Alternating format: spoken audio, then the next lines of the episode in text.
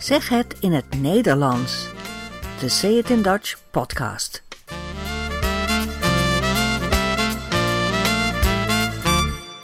Nummer 33. In deze aflevering praten we over bier, over Heineken, de ontvoering van Freddy Heineken en over de ontvoerder, topcrimineel Willem Holleder. Het mediafragment gaat over de versoepeling van de coronaregels. Veel plezier bij deze 33ste aflevering van Zeg het in het Nederlands. Hallo allemaal, hoe gaat het? Hebben jullie naar het Eurovisie Songfestival gekeken vanuit Rotterdam? Wat ging het vlug voorbij, hè? En hebben jullie al een biertje gedronken op het terras? In Nederland mag je sinds eind april weer op een terras zitten. Wel met allemaal coronaregels en het mag alleen op bepaalde tijden en met bepaalde mensen, maar een biertje smaakt natuurlijk wel prima als de zon schijnt. Maar hoe smaakt het bier als je in de stromende regen met een paraplu op een terras moet zitten? Hmm. Nederland is een echt bierland. Elk land heeft weer zijn eigen biergewoontes en biergebruiken natuurlijk. België is bijvoorbeeld gek op bijzondere traditionele bieren. In Nederland drinken we vaak bier van de tap, de bierkraan die je in elk café aan de bar, de tapkast, de tap kunt vinden.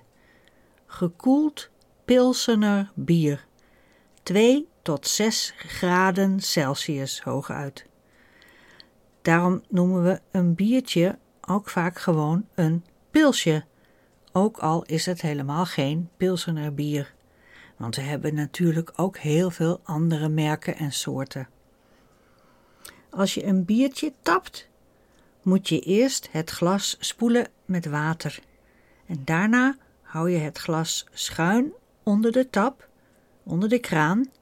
Niet rechtop, maar een beetje scheef, heel dicht bij de kraan. Je laat het glas vollopen en draait het glas ondertussen langzaam rechtop. Je moet zorgen dat het schuim bovenop het bier precies genoeg is. Een schuimkraag met een dikte van twee vingers, twee vingers hoog. Het schuim mag niet boven de rand van het glas uitkomen en daarom zet de kastelein, dat is de barkeeper, hij zet het glas neer en strijkt de bovenkant van het schuim er met een speciale spatel vanaf. En dan zet hij het koude glas bier op een bierviltje, dat ronde kartonnen onderzettertje met het logo van het biermerk erop. Nou, dat beeld is typisch gezelligheid voor Nederland.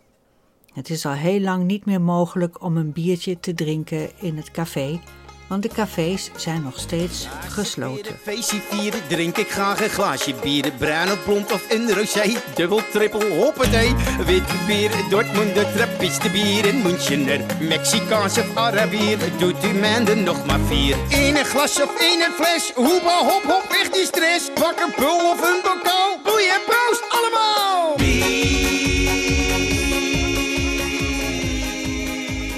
Er is al in de hele geschiedenis van Nederland bier gebrouwen, vanaf de jaartelling.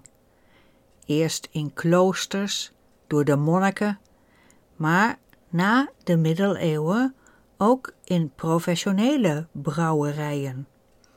Wij drinken tegenwoordig allemaal graag water, maar vroeger was water vaak helemaal niet gezond.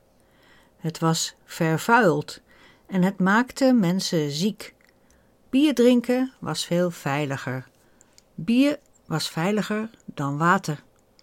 In de steden, maar zeker ook op zee, op de schepen die over wereldzeeën reisden en vaak maandenlang zonder vers water onderweg waren. In de 17e eeuw dronken de mensen hier gemiddeld 1 liter bier per dag. Dus 365 liter bier per jaar per persoon, ook kinderen. In de 18e eeuw gingen mensen meer thee en koffie drinken, die uit verre landen werd ingevoerd. Of jenever, dat is sterke drank.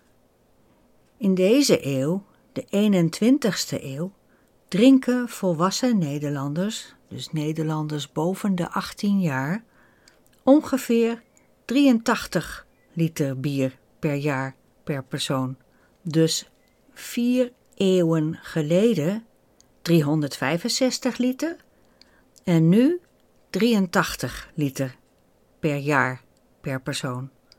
Dat is meer dan cola of sinaas of andere frisdrank.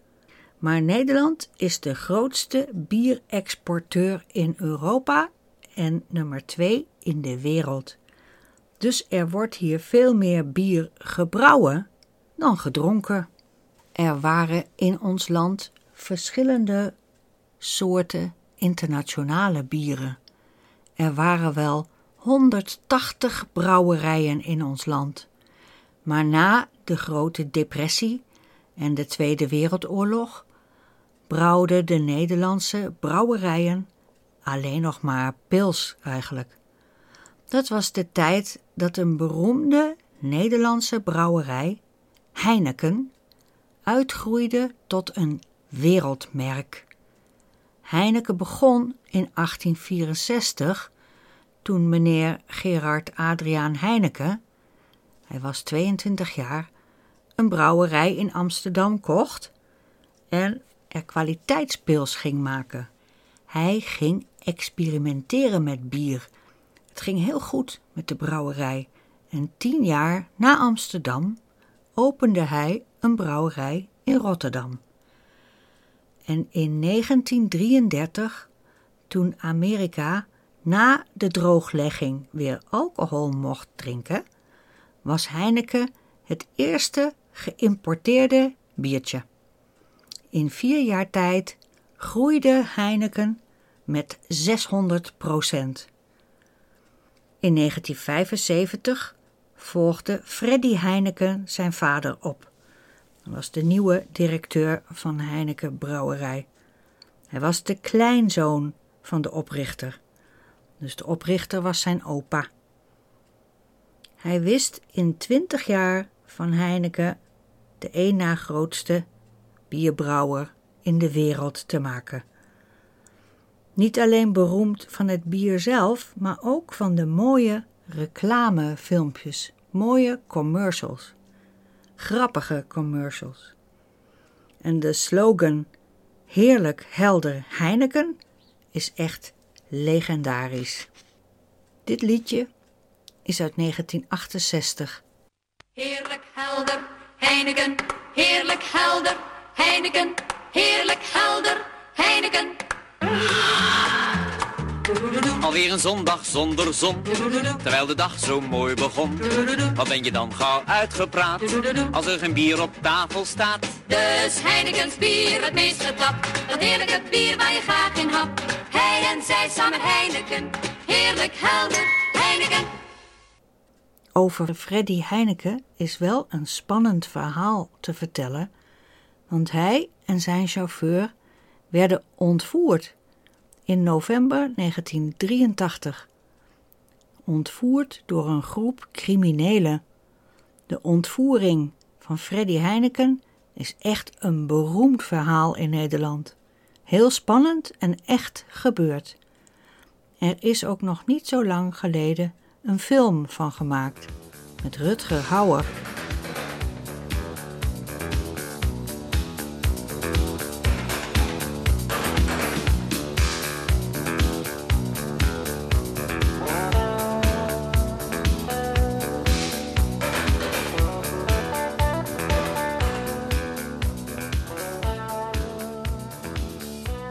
Freddy Heineken kwam op woensdagavond 9 november 1983, s'avonds om 7 uur, zijn kantoor uit Villa Heineken is de naam van dat kantoor in Amsterdam.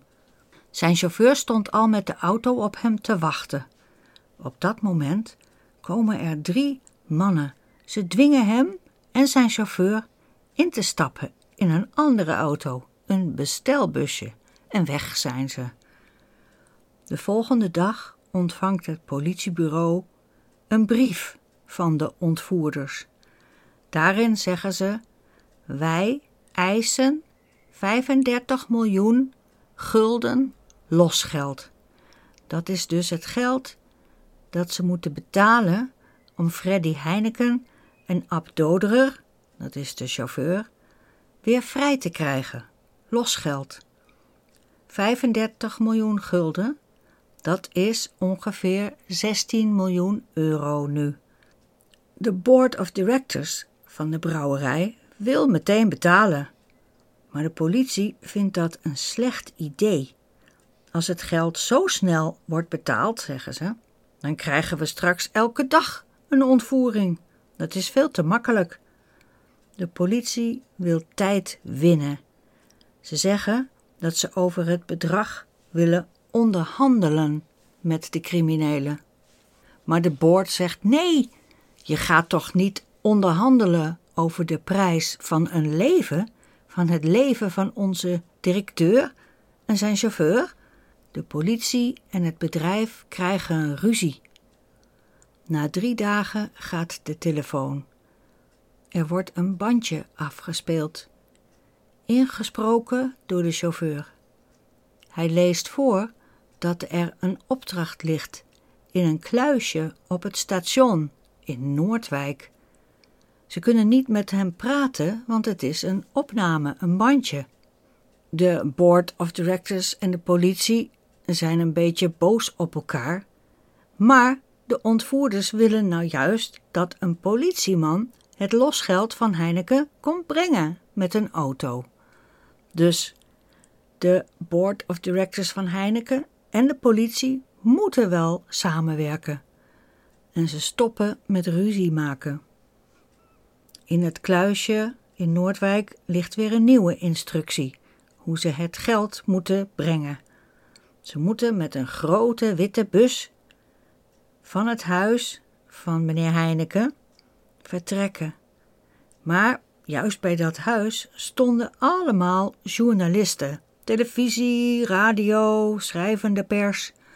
Als ze daar met een bus zouden vertrekken, had je een hele rij journalisten erachteraan. Dat mocht natuurlijk niet gebeuren.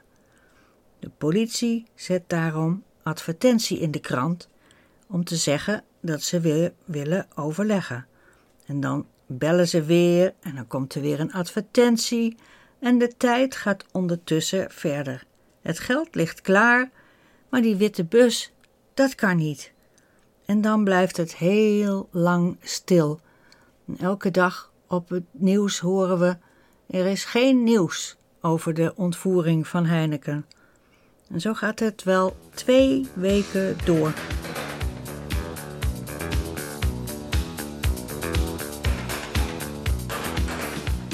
Pas op 26 november, dus dat is 9 november, zijn ze ontvoerd.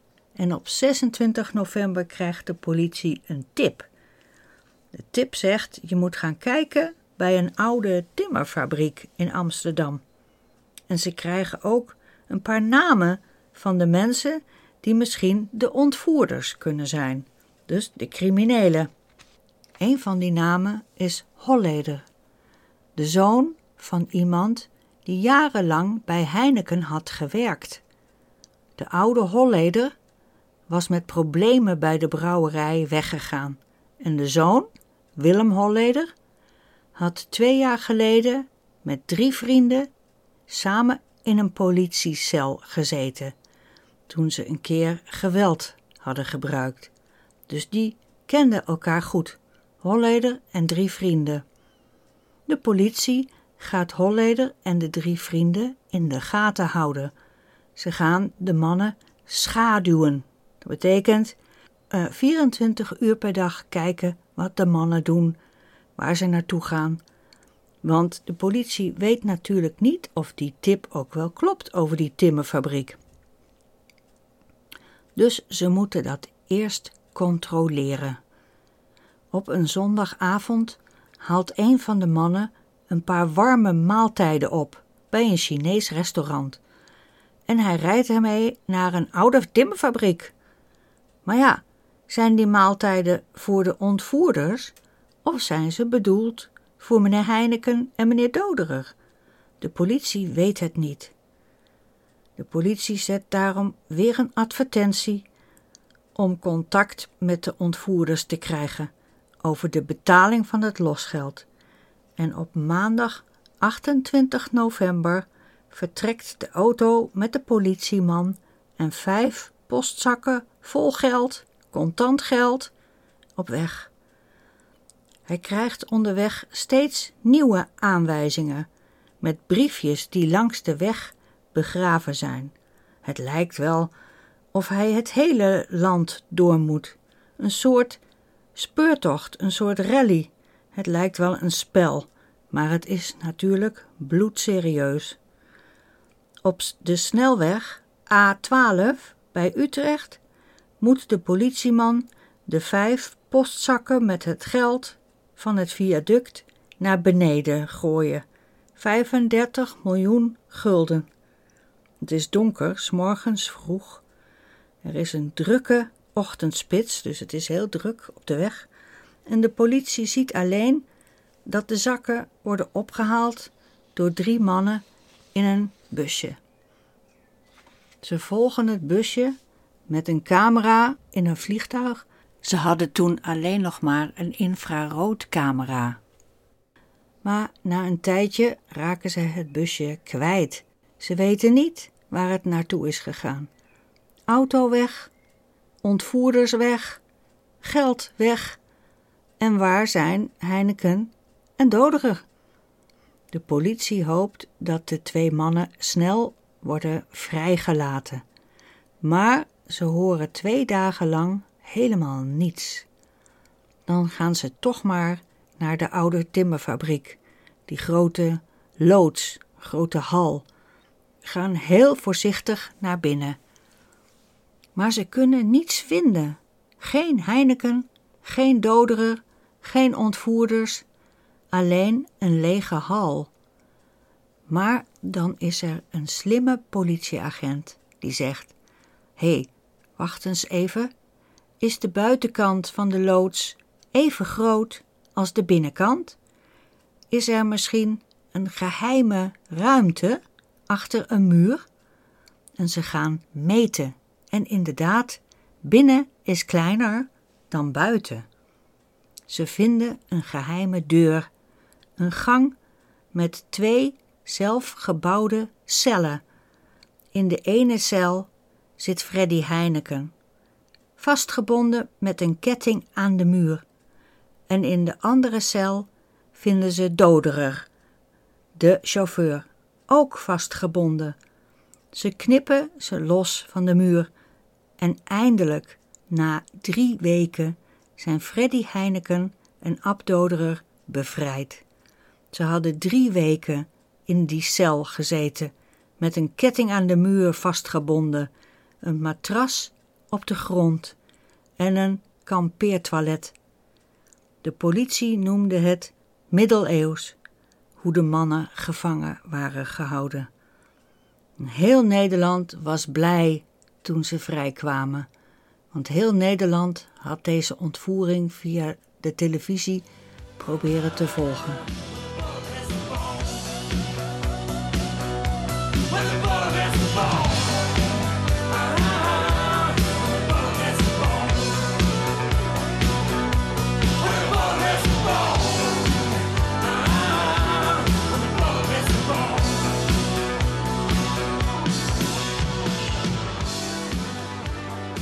De vier criminelen worden veroordeeld en ze gaan de gevangenis in. Cor van Hout, Willem Holleder, Frans Meijer en Jan Boelaert. De politie vindt het losgeld terug in Zeist, begraven in een bos. Maar dat is niet al het geld. Er is 3 miljoen gulden weg. 3 miljoen is er niet. En nog altijd weten ze niet waar dat geld gebleven is. Nou, dat klinkt als een mooi einde, maar Willem Holleder werkte zich na zijn gevangenisstraf, of misschien wel tijdens zijn gevangenisstraf, hij werkte zich op tot de top van de Amsterdamse misdaadwereld, de criminele wereld van Amsterdam. Wat hij allemaal doet, zal ik maar niet vertellen, maar in de jaren 2000 tot nu zijn er, even tellen, nee, drie, vier, vijf, zes, zeven, zes of zeven vrienden en zakenrelaties van Holleder geliquideerd, vermoord. Ook Cor van Houts, met wie hij de ontvoering van Heineken had gedaan. Allemaal vrienden en bekenden van Willem Holleder. In Amsterdam of in het buitenland. De meeste van deze mensen waren van plan om tegen Holleder te getuigen, dus informatie te geven aan de rechter over wat Holleder allemaal heeft gedaan. Maar nu zijn ze dus dood. We weten nog altijd niet precies hoe dat is gegaan. Holleders zus, Astrid Holleder, heeft in het geheim een boek over haar broer en haar familie geschreven. Een echte bestseller. In één dag verkocht ze meer dan 80.000 exemplaren van haar boek. Titel Judas. De zus leeft trouwens nog.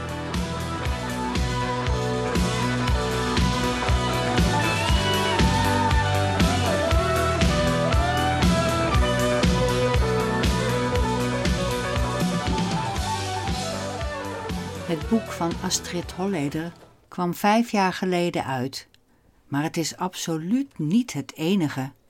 Documentaires, boeken, films en de media vinden het prachtig. Misdaad verkoopt. Crime sells.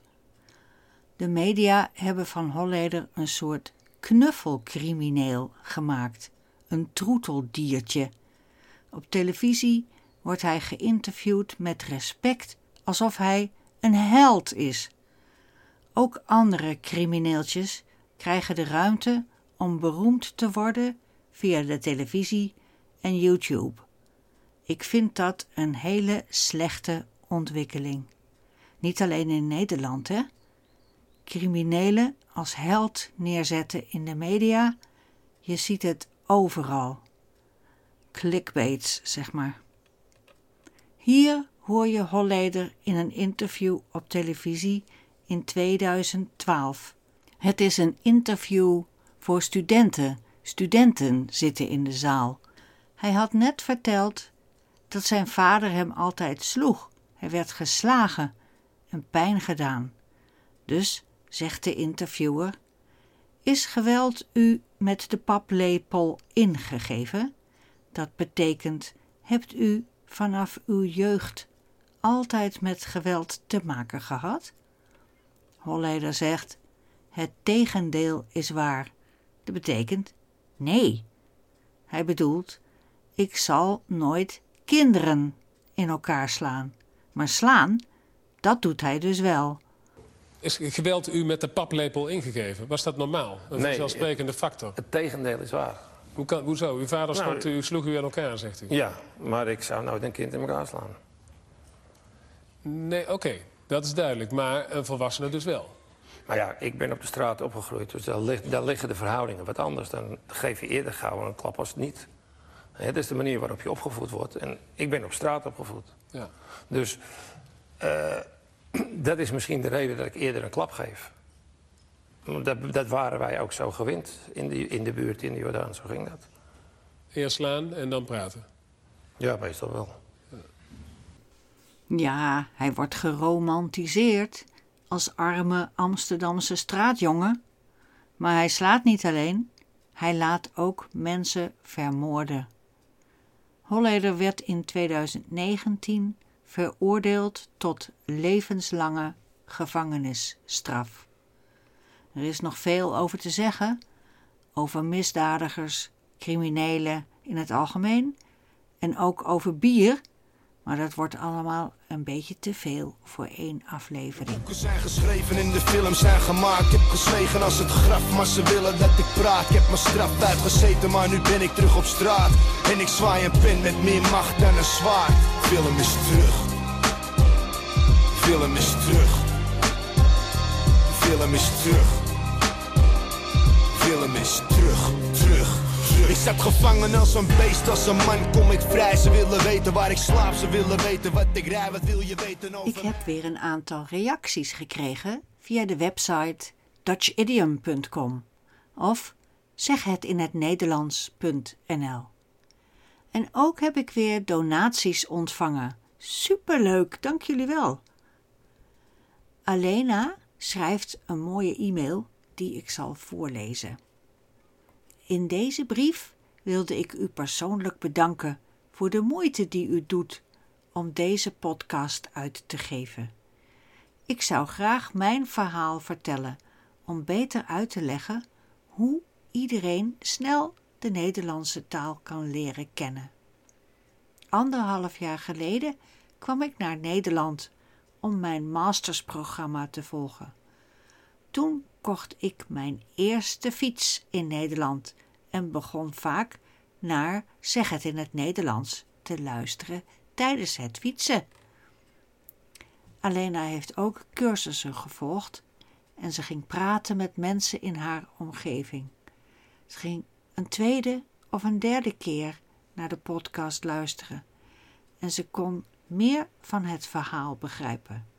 Ja, herhalen is altijd heel goed om te doen. Ze zegt: De onderwerpen van elke aflevering waren mijn motivatie om de aflevering opnieuw af te spelen. Een heel goed idee om tijdens het fietsen naar de podcast te luisteren. Maar ben je wel een beetje voorzichtig in het verkeer? Van Alba kreeg ik in maart al een berichtje, in maart. Sorry, ik had nog geen tijd om het voor te lezen. Ze zegt: Ik ben een student van het Koninklijk Conservatorium. Ik kom uit Spanje en ik heb een jaar Nederlands geleerd. Ik ben heel blij dat ik jullie podcast kan luisteren. Ik heb veel geleerd en ik vind ze heel interessant. Dank je wel voor alles en tot ziens. Jij ook bedankt voor je mooie berichtje, Alba. Wat voor muziek maak je? En een bericht uit Noord-Brabant. Mijn naam is Bruke Daniel. Ik woon in Bergen op Zoom. Ik vind uw podcast heel interessant. Ik luister als ik loop tussen de bomen na het werk van huis. Je bedoelt thuiswerken. Ik heb veel dingen over Nederland geleerd. Ik heb ook natuurlijk mijn luisteren verbeterd. Ik kan bijna alles goed begrijpen als je praat. Ik hoop dat je doorgaat met de podcast. Hartelijk bedankt.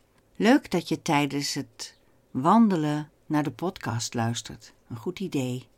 Melanie uit Canada schreef mij een bericht in het Engels, dat mag ook.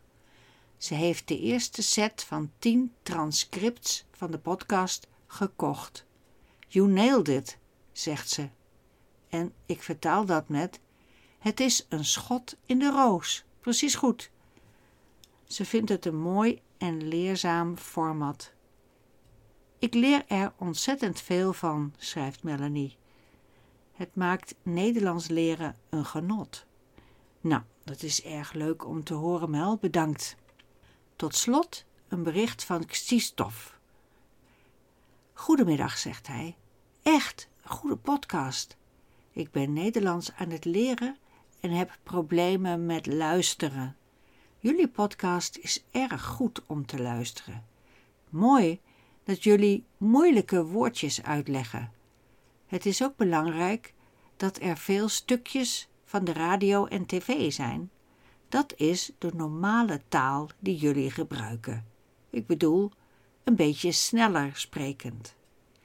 Ik leer nu negen maanden Nederlands en ik voel dat ik met deze podcast een grote vooruitgang ga maken. Nou, Christophe, dat is geweldig. Veel succes met je Nederlandse les. Kunt u dat herhalen? Kunt u dat herhalen? Kunt u dat herhalen? In deze rubriek laat ik iets horen wat op de radio of op de televisie is geweest. En daarna kunnen we erover praten. Dit mediafragment komt uit het NOS-journaal van 17 mei 2021. Het gaat over een nieuwe fase van coronamaatregelen. Er komen een paar typische coronawoorden in voor. Bijvoorbeeld versoepelingen. Dat woord gebruiken ze als de lockdown wat minder streng wordt. Dan worden de regels wat soepeler, wat minder strak. Ze worden versoepeld. Meestal betekent het dat er weer allemaal nieuwe regeltjes komen hoor. De terrassen mogen open, maar alleen een bepaalde tijd. En elke keer moeten ze het allemaal op televisie uitleggen. Ik kijk er meestal niet naar, maar voor jullie heb ik dit fragment gekozen over de versoepelingen op 19 mei. Allerlei clubs mogen hun deuren weer open doen. De journaallezeres legt het uit. Pretparken, sportscholen en bibliotheken mogen weer open. De coronacijfers dalen volgens het kabinet goed genoeg. Dus overmorgen gaan de ver geplande versoepelingen door. En alle versoepelingen nog even op een rijtje. De coronacijfers dalen volgens het kabinet goed genoeg. Dus overmorgen gaan de geplande versoepelingen door. Pretparken dus en dierentuinen gaan gedeeltelijk open. Dat geldt ook voor sportscholen, zwembaden en muziekscholen met maximaal 30 mensen. Groepslessen mogen nog niet. Terrassen gaan open van 6 uur s ochtends tot 8 uur s avonds. Er mag publiek bij play-offs van de eredivisie, maar wel met toegangstesten. En op de valreep dus mogen ook de bibliotheken weer open. Pretparken, dat zijn amusementsparken. Er mag publiek bij de play-offs van de eredivisie. Dat zijn voetbalwedstrijden. Daar mogen weer mensen komen kijken, maar wel met toegangstesten. Toegangstesten is ook een typisch coronawoord. Dan moet iedereen die naar binnen wil eerst een coronatest doen en het resultaat laten zien bij de deur voordat je naar binnen mag. Misschien vinden jullie dat normaal, maar in dit land, waarin iedereen altijd heel veel vrijheid heeft, is het testen van gezonde mensen bij een voetbalwedstrijd of een bezoekje aan de dierentuin of een concert een groot probleem. Er zijn echt heel veel mensen boos hierover. Maar dat wil het journaal niet vertellen. Het journaal vertelt namelijk wat de regering zegt. We gaan weer even verder luisteren. Het journaal bezoekt een bibliotheek in Venlo. Dat is een stad in Limburg. En mensen mogen dus weer naar de biep vanaf donderdag. Eerder zaten ze niet in deze versoepelingsronde, maar het kabinet besloot ze toch mee te nemen. Hoera, we gaan weer helemaal open, staat erop. Zo is het. Ja, bent u er blij mee? Ik ben echt super blij dat het hier weer gaat bruisen. Dat we weer open kunnen. De bibliotheek, de biep, zat niet in deze versoepelingsronde. Maar het kabinet, de regering, kreeg vragen van een paar Kamerleden om ook de bibliotheek nu in deze ronde al meer vrijheid te geven. Blij dat het hier weer gaat bruisen, zegt de bibliothecaresse. Want het was hier in de biep van Venlo de afgelopen vijf maanden maar een dode boel. Er mochten alleen gereserveerde boeken worden afgehaald. De hele sociale functie van de biep was door de lockdown weggevallen. Het was maar een dode boel. Dat is een uitdrukking. Het betekent dat er niets gebeurt. Een dood geheel. Er is geen leven. Wat een dode boel hier. Saai. We gaan om half negen open en dan staan de eerste mensen voor de deur. Dat kunnen studenten zijn die, die vroeg willen studeren. Maar het zijn ook mensen die daarmee structuur aan hun dag geven. Hier gewoon een krantje komen lezen, mensen willen ontmoeten. En wat ook wegviel waren de cursussen die hier gegeven worden. Taallessen, maar ook de computercursus waar mevrouw Van Rooij zich voor had opgegeven, ging tot haar spijt niet door. Je kunt misschien een keertje alleen komen te staan. En dan ben je altijd afhankelijk van de kinderen. En dat wil ik eigenlijk niet. Ik wil toch zelf nou doet mijn man dat allemaal, die regelt dat allemaal perfect. En ik vind het wel fijn zo, maar ik wil toch, dat wil ik toch zelf leren. Mevrouw van Rooij is al wat ouder. Ze heeft nooit geleerd hoe ze een computer moet gebruiken. Dat leert ze nu in de bibliotheek. Want, zegt ze, je kunt misschien een keertje alleen komen te staan. En ze bedoelt dat haar man overlijdt want haar man, die doet het allemaal. Die regelt het allemaal perfect. En ik vind het wel fijn zo, maar ik wil het toch zelf leren, zegt ze. Die cursus kan nu alsnog van start. En met reservering en na een gezondheidscheck is iedereen weer welkom. Ik ben echt heel blij. We zouden eigenlijk eerst pas bij eh, stap 3 open gaan. Uh, dat was best wel teleurstellend. Uh, en door een motie van een aantal Kamerleden is er toch besloten dat wij aanstaande donderdag open mogen. Hey! Beertje!